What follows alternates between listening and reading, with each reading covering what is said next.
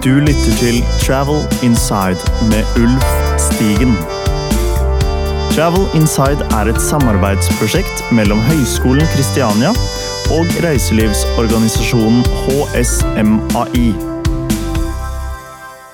Da er vi tilbake med en ny reiselivspodkast her i Travel Inside.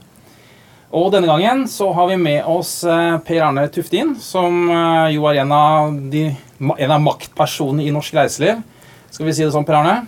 Ja, Det er jo litt ettersom hvordan du ser det, men ser det, ja. noen hevder det. Ja, Vi skal høre litt med deg om din bakgrunn, kanskje litt om rammebetingelsene for eh, reiselivet, som kanskje har endret seg. eller i hvert fall Det har skjedd litt ting nå i sommer og i høst. Um, og så har jeg også med meg uh, medprogramleder uh, fra First Hotels, Erlend Ellingsen.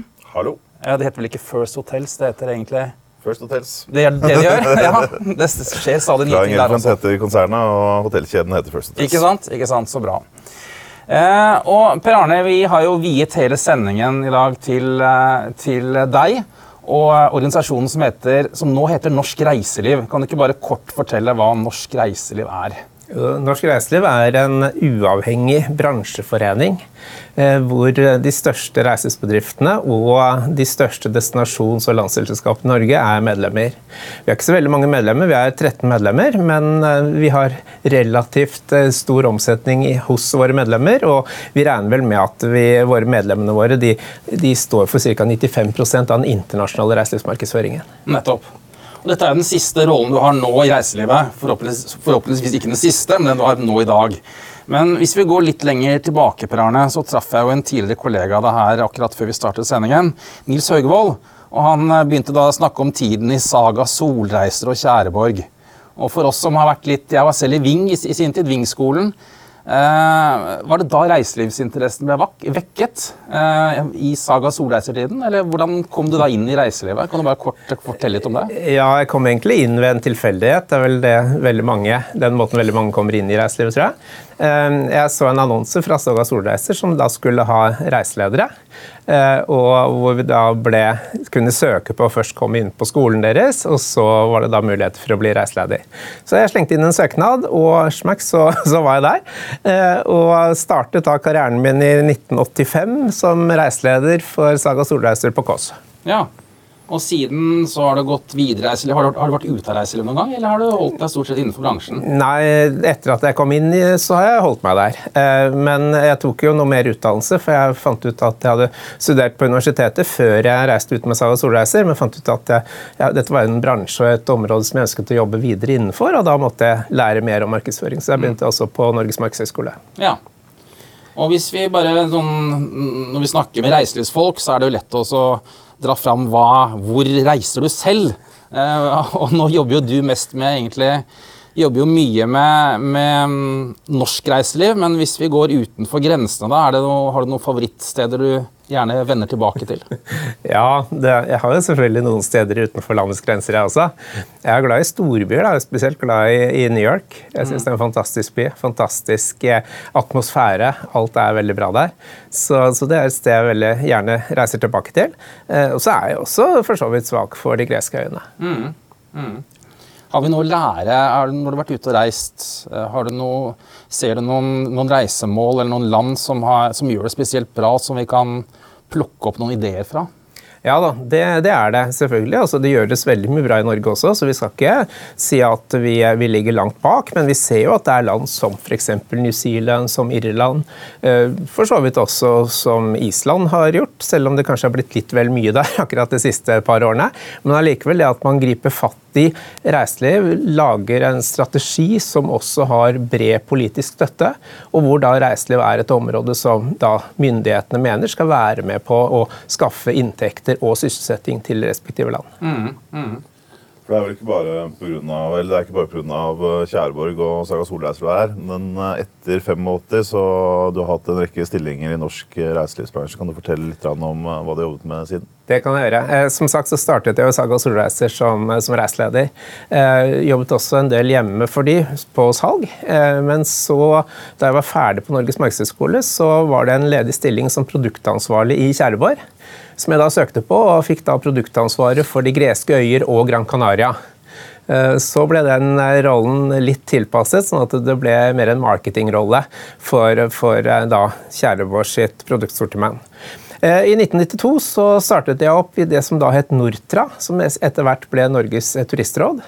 Eh, først som markedssjef, eh, var også analyse- og utviklingssjef en periode, før jeg da ble kommunikasjonsdirektør med ansvar for informasjon, samfunnskontakt og strategi.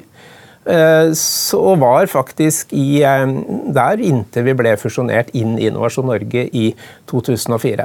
To første årene i Innovasjon Norge var jeg kommunikasjonsdirektør for Innovasjon Norge, og så gikk jeg over da til å lede reiseliv. Hvor lenge var det du jobbet i Innovasjon Norge? 24 år. 24 Hvis man regner da Nortra, Nortra, Norges turistråd og Innovasjon Norge, så ble det 24 år. Og de ti siste årene som reiselivsdirektør. Da er vel du riktig person å stille spørsmålet. Eh, hvordan er Norges stilling eh, internasjonalt, i internasjonal turisme i dag? Jo, vi, vi, ser jo det at vi har produkter i Norge som etterspørres internasjonalt. Og det er jo selvfølgelig natur, eh, aktiviteter og opplevelser i og i tilknytning til natur som skaper interessen. Mm. Vi ser jo også det at eh, interessen for å feriere i Norge, for å bestille en reise til Norge, har økt ganske mye de siste seks, syv, åtte årene. Mm. Og, og, vi har kommet ganske høyt på kartet også over, over de reisemål som folk ønsker å reise til. Hvordan kan du fortelle litt om hvordan strategien har endret seg i løpet av Kanskje ikke tilbake for 24 år siden, men uh, la oss si for de siste 10-15 år siden? Da. Ja, det, det, er jo klart at eh, Til å begynne med så var vi jo veldig fornøyd med å få utenlandske turister til Norge. Eh, ikke det at det plutselig dukket opp på 90-tallet, det hadde jo vært utenlandske turister i Norge siden 1850 omtrent. Men, men man begynte etter hvert å få ganske godt tak på sommerturismen. Mm. og etter hvert så, så vi at det her måtte det gjøres mer. Man måtte også begynne å satse mer på, på lavsesong. Uh, utfordringen med å satse på lavsesong er at du må ha produkter som er tilpasset lavsesong. Uh, du kan ikke tro at, at lille Norge klarer å endre ferievanene til, til, en tysker eller til en amerikaner eller til en asiat, for å si det sånn. Så skal vi få turisme også utenfor høysesong, så må det da tilpasses gjennom produktene. Det er vel også få som har den samme innsikten i det politiske spillet rundt reiseliv som deg.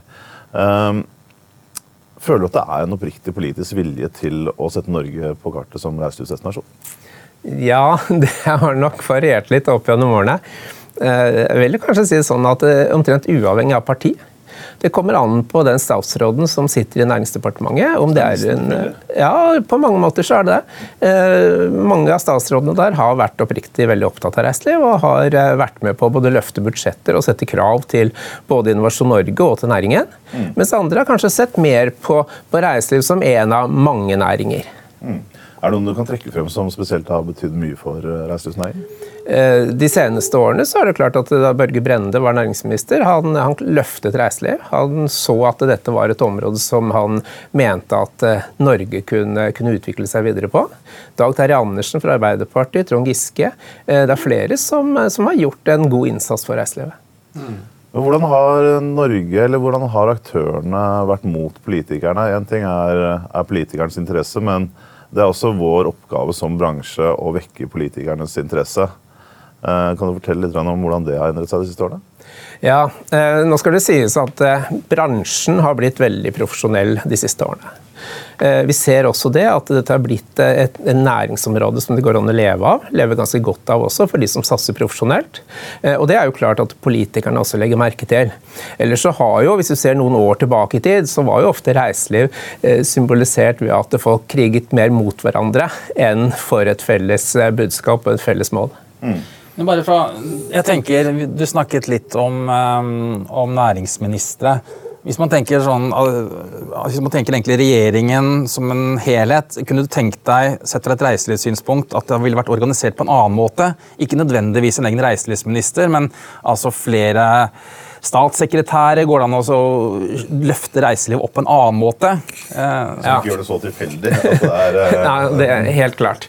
Og, og, vi har jo sett at det har jo variert litt opp gjennom årene dette også, om hvor mange statssekretærer som har vært i Næringsdepartementet. Eh, de gangene det har vært statssekretærer som har kunnet bruke en del av sin tid på reiseliv, så er det klart at da har reiseliv vært mer en del av det politiske fokusområdet i departementet. Så er det klart at reiseliv er jo et, en næring som En ting er Næringsdepartementet som har hovedansvaret for reiseliv, men det er jo en åtte, ti, tolv andre departementer som også er involvert på en eller annen måte i reiseliv. Og, det er jo kanskje noe av det vi har savnet aller mest, en samkjøring der. Politisk samkjøring. Og det er klart at eh, Selvfølgelig hadde vi hatt en turistminister, så hadde den kunne styrt det på en god måte, men også en god statssekretær som, som var dedikert til å jobbe med reiseliv, som også kunne jobbe inn mot andre departementer. Da tror jeg vi hadde kunne løftet Norge og norsk reiseliv på en helt annen måte enn hva vi har klart så langt. Hva tenker du om utviklingen siden, siden 92? Ta hele, ta hele veien. Um, så vil jeg tro at det har ikke bare vært én opp en reise som har gått i riktig retning hele, hele veien.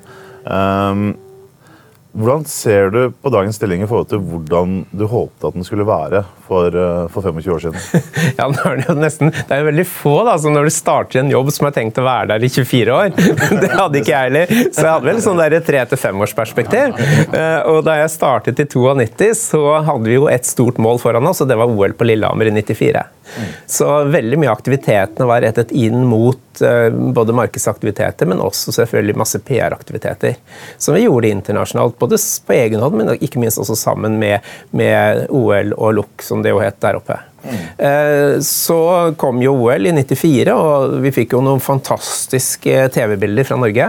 Det var kaldt, men det så man jo ikke på TV. Man så bare skyfri himmel, kritthvit snø, masse gærne nordmenn som løp rundt og dansa og hoia. Eh, som skapte mye oppmerksomhet internasjonalt. Og Vi så jo da at eh, etter OL så, så var det en god økning i turisttrafikken til Norge, som varte både i 95 og i 96. Begynte å avta litt igjen i 97. Eh, flatet kanskje noe mer ut da.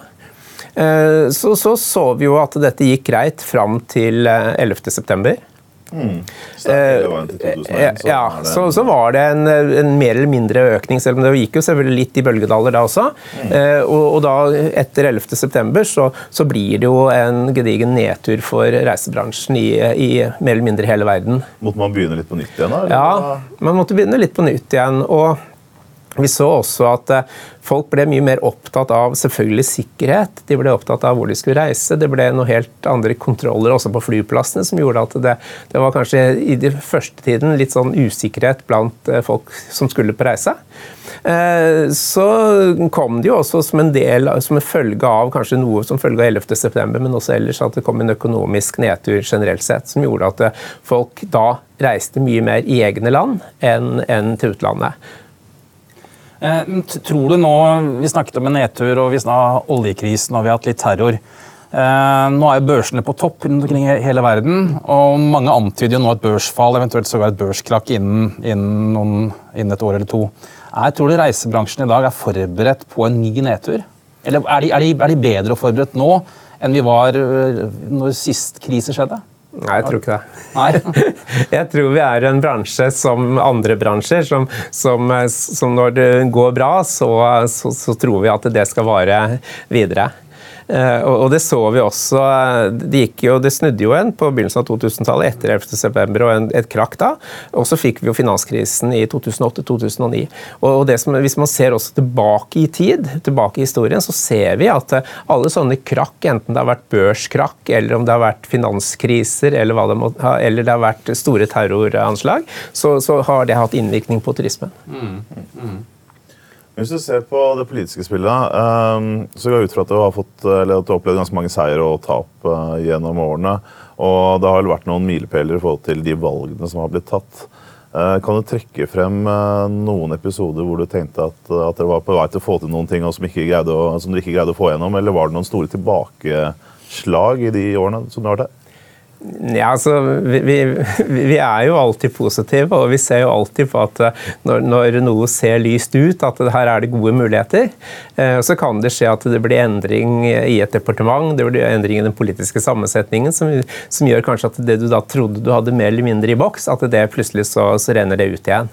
Eh, men ellers er det jo klart det at vi begynte å, å jobbe ganske aktivt med å merkevarebygge Norge som reisemål på begynnelsen av 2000-tallet. Eh, og, og det, det, var nok en milepæl, en endring i mye forhold til hvordan vi hadde tenkt tidligere. Uh, og, og, mye av det man den gang begynte å snakke om, faktisk, dette med at uh, hovedårsaken til at man velger Norge, er natur, men at opplevelsen må være mer enn bare akkurat dette med natur. Må, at man måtte også få inn kultur, man måtte få inn aktiviteter, man måtte få litt et bredere spekter av opplevelsesmuligheter i reiselivet. Det begynte vi å snakke om allerede på begynnelsen av 2000-tallet. Ja, Det ser jeg, for det, jeg synes jo det er det man snakker om fortsatt i dag. Ja. Eh, da snakker vi om opplevelser. Mm. Eh, jeg synes at, eh, jeg er jo fra Oslo, glad i byen. Mm. Eh, jeg syns det er veldig lite fokus eller jeg, tror, jeg syns ikke vi stoler nok på andre ting enn opplevelser. Skjønner du hva jeg mener? Jeg skjønner hva du mener, og, og, det har vel kanskje da vært også litt utfordringen å få med seg eh, det brede lag i reiselivsnæringen også, til mm. å, å, ta inn noe mer enn akkurat bare den naturopplevelsen. Eh, men, men, igjen, altså, vi må ikke glemme natur. Den er helt vesentlig i forhold til at vi skal vekke interesse for Norge. Mm. Travel Inside er et samarbeidsprosjekt mellom Høgskolen Kristiania og reiselivsorganisasjonen HSMAI.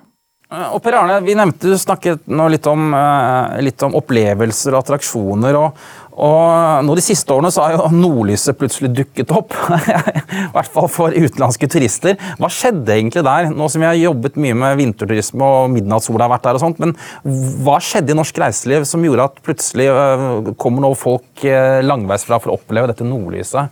Vi, vi må ha gjort noe riktig her, da? Ja, og, og det, var, det er ikke tilfeldig det var egentlig fra, fra, mange hold eh, folk som begynte å jobbe med å se hvordan kunne man utnytte nordlyset mye bedre enn hva man hadde klart så langt. Og dette skjedde vel sånn rundt 2005-2006. Hurtigruta begynte med et prosjekt som het Hunting the Eh, Innovasjon Norge var tungt involvert både i det prosjektet og, og på andre måter. Eh, reiselivet i Nord-Norge begynte også å samle seg om et felles fokus på, på nordlys. Eh, man begynte å kjøre markedskampanjer i forhold til nordlys. Innovasjon Norge den gang så kjørte vi ut internasjonale altså PR-kampanjer. Vi gikk ut med en internasjonal pressemelding på at nordlyset er norsk. Fikk utrolig mye kjeft, og det var jo det som var meningen også. Når blir eh, julenissen norsk? Er det neste prosjekt? eller? Det kan være. men, eh, men, hvis vi vil ha den nei, det, det, har vært litt sånn diskusjoner den siste tiden om, om den. Men, men, igjen, altså bare en sånn, liten sånn sak i forhold til dette med, med at nordlyset er norsk. Vi fikk på, vi hadde halvside, nesten en halvside i China Daily som forklarte oss nordmenn at det var nok ikke helt sånn, eh, og snakket om denne nordlynskrigen mellom de nordiske land. Eh, Al Jazeera hadde en sak på det, Der Spiegel hadde en sak. Det var, var, oppslag over hele verden i forhold til dette med nord, disse frekke nordmennene som påstod at nordlyset var norsk. Mm. Eh, og, og, dette da sammen med tunge kampanjer, sammen med både Avinor, Reiselivet i Nord-Norge, flyselskapene og Hurtigruta og Innovasjon Norge, så, så, bygget man opp en interesse for nordlys internasjonalt. Og da selvfølgelig i kombinasjon med opplevelser og aktiviteter. Mm. Sett bort fra sånn halvfrekke PR-stunt på den måten der. Eh, hva kunne Norge ha fått til som turistdestinasjon eh, med økt, økte midler? Selvfølgelig så, så, ønsker alle seg økte midler, og, og, det har vi jo ønsket i, i Norge også opp gjennom årene. Eh, det som jeg tror kanskje er det viktigste nå selvfølgelig, Man må fortsatt ha offentlige midler til å være med å spe på si, profileringen og det å skape interesse for Norge som reisemål så må det mer offentlige midler også inn i utviklingen av produkt. Mm. Og det må mer offentlige midler inn som en form for risikoavlasting. Vi vet at flere av de store aktørene innenfor reiselivsnæringen er interessert i å satse i størrelsesorden flere hundre millioner, men de ønsker ikke å bare bruke av sine egne penger. De ønsker at her må det også være en form for risikoavlasting. Mm. Hvis du ser på støtten som Innovasjon Norge har fått gjennom, uh, gjennom årene, har det vært en riktig måte å støtte norsk reiseliv på? Som den eneste, nesten så den eneste kanalen som har fått, uh, fått støtte? Det vil jo alltid være en, et hva skal vi si, halvpolitisk, for ikke å si et politisk eh, spørsmål. Nå er jo regelverket også sånn at eh, man kan jo ikke dele ut penger til bedrifter for å, å bedrive markedsføring. Sånn at jeg, jeg tror nok det er helt riktig at det er et en organisasjon som, som sitter på og, og koordinerer eh, bruken av, av, de overordnede profileringsmidlene. Men det er helt klart også at det setter krav til Innovasjon Norge. De, Innovasjon Norge må jobbe tett sammen med den kommersielle delen av reiselivet. Og det har Innovasjon Norge fått til? Det, det, kan nok være ulike oppfatninger om det, eh, både i min tid og, og, og, nå i ettertid. Men det er helt vesentlig at det skal man lykkes, så må det være et tett samarbeid mellom det kommersielle reiselivsnæringen, reiselivsorganisasjonene og Innovasjon Norge. Hva med organiseringen til eh, Innovasjon Norge? Har den fungert sånn som eh, skal skulle? Det er jo også et spørsmål som det har vært mye diskusjoner på. Vi ser jo det at Eh, mange av de landene som har lykkes innenfor eh, for å markedsføre og utvikle landet innenfor reiseliv, de, de, har kanskje hatt noe andre organisasjonsformer. Eh, mens Norge har da valgt å ha en fellesorganisasjon som heter Innovasjon Norge, hvor det er en del der som heter Visit Norway, som, som da har ansvaret for reiseliv. Utfordringen der er jo det at eh, Innovasjon Norge er jo et rent virkemiddelapparat underlagt eh, det offentlige, underlagt Nærings- og fiskeridepartementet, eh, som da kanskje i enkelte settinger ikke har den friheten, den muligheten som, som man kanskje hadde ønsket seg i forhold til å kunne ta aktivitetene helt ut. Så tenker jeg at Reiselivet har jo forandret seg ganske voldsomt de siste årene. Um, den organisasjonen, den organiseringen som kanskje fungerte for 10-15 år siden, er kanskje ikke den som fungerer om 10-15 år. Hvordan ser Innovasjon Norge ut fremover? Eh, eller hva, hva, hvordan syns du Innovasjon Norge burde se ut fremover? Ja, nei, det, det, er jo mange måter å, å, se det på.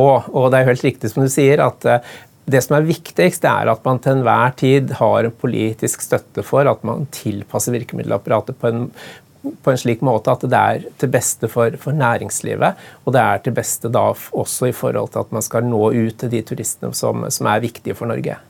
Uh, og jeg vil ikke spå hvordan Innovasjon Norge vil se ut om, om ti år, men jeg tror kanskje det er er endringer i forhold til hvordan man jobber nå. Ikke at det er noe galt sånn sett i forhold til hvordan man jobber nå, men, men, vi må være med skal vi kunne få gjennomslag i en stadig tøffere internasjonal konkurranse. Det er flere som reiser, men det er stadig flere land som har gode reiselivsprodukter og satser aktivt på reiseliv. Du var så vidt gjennom Island i sted. Island har jo hatt en eh, voldsom eh, eksplosiv vekst av turister. og Det var vel først og fremst etter faktisk eh, askeskyen og ja. vulkanutbruddet der hvor det skjedde. Som var litt tilfeldig at du faktisk fikk TV-bilder fra, fra, Island som gikk globalt. Og de fikk en vanvittig promotering for, for Island. på tross av at det var litt negativitet selvfølgelig inne der også, så så man jo hvor vakkert landet var. Men de har jo fått til noe som vi drømmer om på en måte. Hvordan skal vi greie å, å ta markedsandeler sånn som Island har gjort? Jeg tror at En av årsakene til at Island klarte å utvikle seg på den måten som de har klart, det er at det var en krise. En ting er askeskyene, men også ikke minst også finanskrisen som var der. Som gjorde at det her måtte man snu alle stener og, og, se hva skal til, hvilke områder kan vi satse på. Og hvor reiseliv var et av disse områdene. Man satset aktivt. Eh, var med. Man kjørte på med masse nye flyruter med mellomlanding på Island. Og man frontet også og markedsførte landet med de fantastiske opplevelsene som Island har å tilby. Mm. Jeg tror Island har vært flinke, men ønsker vi egentlig å bli sånn som Island? Mitt inntrykk er at nå er det til tider ganske overfylt. De har kanskje Europas høyeste hotellpriser. Er det sånn vi ønsker det, Per Arne? Nei. Jeg vil si at det funka veldig bra for Island inntil for kanskje ett eller to år siden.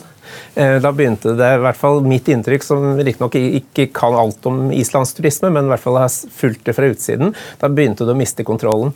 Og de har vel hatt fra bunnivå eh, under da askeskyen og finanskrisen og fram til nå, så har de vel hatt en økning på i hvert fall mellom 400 og 500 mm. Norge i samme periode har hatt en økning på mellom 25 og 30 Sånn at det, her, det sier seg selv at eh, den økningen som Island har hatt, den, den, den er ikke bare positiv. Nei, og du var inne på det. Eh, jeg noterte meg 10% vekst i 2016. Mm. Og så sa, har du sagt et annet sted at vi må få inn mer penger fra hver turist. Mm. Hvordan, er, er, det ikke der, er det der måte, hunden ligger begravet? Er det det vi skal jobbe med? Med å få inn mer penger fra hver turist? Ja. I så fall, hvordan kan vi gjøre det? Ja, altså, for det første, vi, vi, trenger jo mer penger fra turistene. Mm. Eh, enkelt, eller Mange turister legger igjen mye penger. Eh, andre er ikke så veldig flinke til å legge igjen i hvert fall penger i selve turistnæringen. Eh, jeg tror at Skal vi få til det, så må vi styrke produktet vårt. Vi må styrke hva skal vi si, inn, produktinnholdet og etterspørselen etter produktene. Og vi må klare å få da utvikle produkter som også er attraktive hele året. Mm. Uh, så er det ikke dermed sagt at når vi sier at vi skal ha inn mer penger fra hver turist, at det er bare luksusturisme vi skal satse på. Mm. Jeg vet Flere av hotellkjedene tjener like mye, og kanskje mer penger på, på hva skal vi si, de ordinære hotellrommene sine som på de luksuriøse hotellrommene. Uh, det, det som er saken, det er at man klarer å fylle disse hotellrommene. Det hører også med til historien at det er, eh, at det er en norsk hotellkjede som etablerer seg på Island også. Men eh, det kan vi ta, ta en annen gang. Mm. Eh, men når du sier at, den, at, man står på bar bakke eh, etter finanskrisen, og man ser på hvordan er det vi skal eh, bygge opp, hva er det vi skal tjene penger på, hva er det vi skal leve av, eh, og du sier at Island eh, greier det mm. Implisitt så ligger det vel i det at det gjør ikke Norge. Da er det ikke den samme politiske viljen til å få til reiselivet som, som en av de fire-fem uh, næringene som vi skulle leve av etter at oljen tar slutt, som uh, Mora Moria 2 var det vel snakket om? Ja, nei, altså, vi, vi, har jo ikke hatt den krisen i Norge som Island hadde. Vi har jo ikke vært i nærheten av den. Uh, og vi, har, vi, pumper olje opp fortsatt. Vi pumper opp gass. Vi, vi laster ned penger på, i oljefondet, og det vokser jo. Selv om avkastningen har vært litt lavere den siste tiden. Men likevel, det vokser hele tiden. Så, så, det er klart at den politiske forståelsen i Norge for at må, nå må vi begynne å satse på andre næringer, den har ikke vært der på samme måte i det hele tatt som, som på Island. Nice to have, ja. ikke need to have, ja. dette her. Nei. Nei. Og det høres jo ut som en litt sånn underprioritert, ikke så profesjonell bransje hvis det er liksom litt behandlet og det er hyggelig hvis dere får inn noen penger? ja, nei, men du må huske på det også, at det er en, en bransje som har, som jeg sa i sted også, som er blitt mye mer proff, eh, profesjonell etter hvert. Eh, masse kjempedyktige folk som jobber i næringen. Og, og det er jo flere reiselivsbedrifter som tjener godt med penger.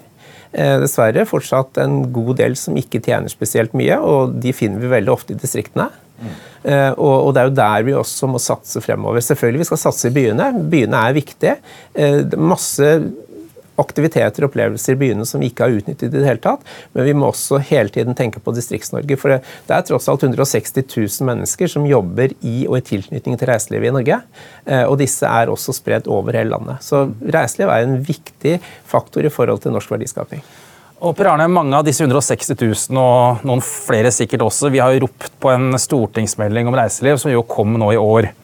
Eh, og, og noe som mange fryktet, da, det var kanskje en turistskatt. Hva, tror du det hadde hjulpet litt med å måte, bidra til fellesgoder og få shina litt opp og gjort det mer attraktivt for de reisende på selve reisemålet? Nå er jo den politiske settingen sånn i Norge at man, man har jo ikke lov til å, å operere med særskatter.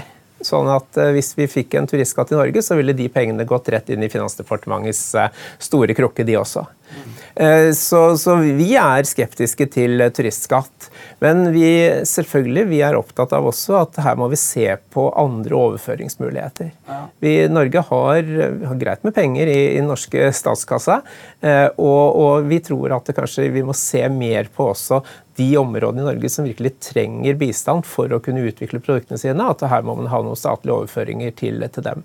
Og For å få til det, så må vi også vite eksakt hvor mange turister er det egentlig på de, de enkelte steder i Reiselivs-Norge. Men Man klarer det jo i ganske mange andre land. Selv har jeg bestilt nå en tur til Cermat i Sveits etter jul. Og Der tar de da ca. tre franc, altså kanskje 25-30 kroner per person per natt. Og Det går rett inn til kommunen, på en måte, til jeg går ut fra antagelig til et reiselivskontor eller noe sånt, på stedet, hvor pengene virkelig blir brukt lokalt. Og jeg ser jo det at Da går det rett inn i statskassa, så forsvinner det til alle andre gode, gode formål. Um, så det er ikke noen mulighet for å, å, jobbe for en løsning slik at eh, et destinasjonsselskap kan eventuelt ta imot en en sånn skatt. da. Ja, det, det er det.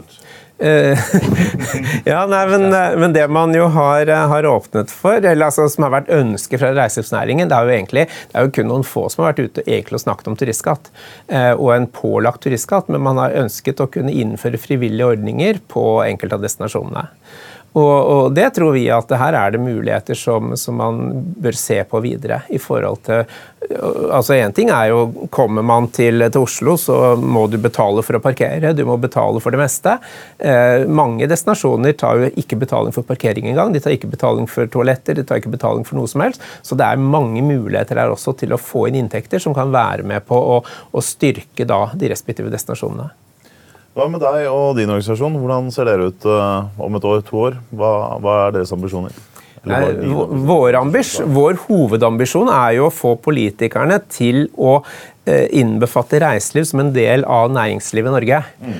Uh, og vi håper og tror at om kanskje en to-tre år at vi har kommet et godt stykke videre på det. Men det er et langsiktig arbeid. Dette er ikke et område som du kan hente ut gevinst med en gang. Det tar tid. Eh, vi jobber aktivt mot politikerne, mot både departement og ikke minst mot Stortinget. Veldig spennende nå, for nå er det jo ganske mange nye representanter på Stortinget som, som nå er hovedfokus på å lære opp i hva er reiseliv. Så nå er det kartlegging av stortingsrepresentanter og hvor man får eh, mest mulig innflytelse på ja. Ja, ja. Da, kan vi, da kan vi sende dem til Høgskolen Kristiania for en liten opplæring i reiselivet her. Vi tar imot alle stortingsrepresentantene her i løpet av høsten. skal vi si det sånn. Det kan vi se. Hvor mange er det nå? Ja, Det er meg. Det er bare deg. Mm. Blir det flere? Nei, vi har ikke noen umiddelbare planer om det. Men du kan si at uh, disse 13 medlemsbedriftene, der sitter jo utrolig mye bra kompetanse. Hvem er det som er, eh, er de 13? Er det, eller hvem, du trenger ikke å si alle, men det er hovedaktørene? ja, altså Det er de fire, fire, største hotellkjedene, det er eh, de to største flyselskapene, det er Color Line og Hurtigruta. Mm. NSB er med. Så har vi Nordnorsk Reiseliv, Fjord-Norge, Visit Oslo og Norske Fjell, som jo er alpindestinasjonene. Så de store, tunge? Ja. ja. Det høres ut som et godt grunnlag for, eh, for videre påvirkning. i hvert fall. det, det mener vi også. Mm. Jeg har bare lyst til, når Vi nærmer oss slutten, egentlig, nå, vi Per Arne. Eh, men eh, nå som det er høst og snart vinter, så er statsbudsjettet snart i ferd med å bli vedtatt. Mm. Og Regjeringen la jo frem et forslag nå på en økning på momsen på reiselivstjenester på 2 og Der har vel både du og Kristin Krohn Devold og andre vært ute og, og, sagt at fy, fy, fy, dette her fører til katastrofe og så og så mange millioner færre osv. Mm. Er det så ille, disse to prosentene? ja, det, det, er jo klart at Hvis du ser dette helt utenfra og, og, og, ser at jo her er det et lite påslag på prisen, så betyr kanskje ikke det noe. Men vi som kjenner næringen, vi vet det at dette er ganske alvorlig. Eh, de to prosentene man eh, skrur opp prisen med nå, eh, jo, kommer jo bare to år siden man forrige gang gjorde det. Med tilsvarende, tilsvarende prosentsats. Og vi, selv om det har vært en god økning i reiselivet nå fra 2014 til og med 2016, så ser vi at det er en utflating nå i 2017. Man har ikke klart spesielt godt å ta ut Eh, økte inntekter, selv om det har vært en økning i antall turister, før egentlig på slutten av fjoråret. Og vi ser at flere bedrifter har, har, klart å ta ut noe mer i år, og hadde planlagt å ta ut enda litt mer til neste år. Og så vet vi det at eh, den type moms og, og skatter som blir pålagt nå, det kan man i veldig liten grad viderebelaste turisten. I hvert fall de første årene. Og det vil si at bedriftene må dekke dette selv. Så med da en økning i reiselivsmomsen på 2% nå, og at man fortsetter med flypassasjeravgiften og faktisk øker den bare med en krone, men allikevel, det er en økning, så blir dette ganske mange penger som nå blir lagt på reiselivsbedriftene og flyselskapene, som de da må betale fra egen lomme. Ja, noe Problemet er vel også det at det handler eller at det hindrer videre utvikling av produktene.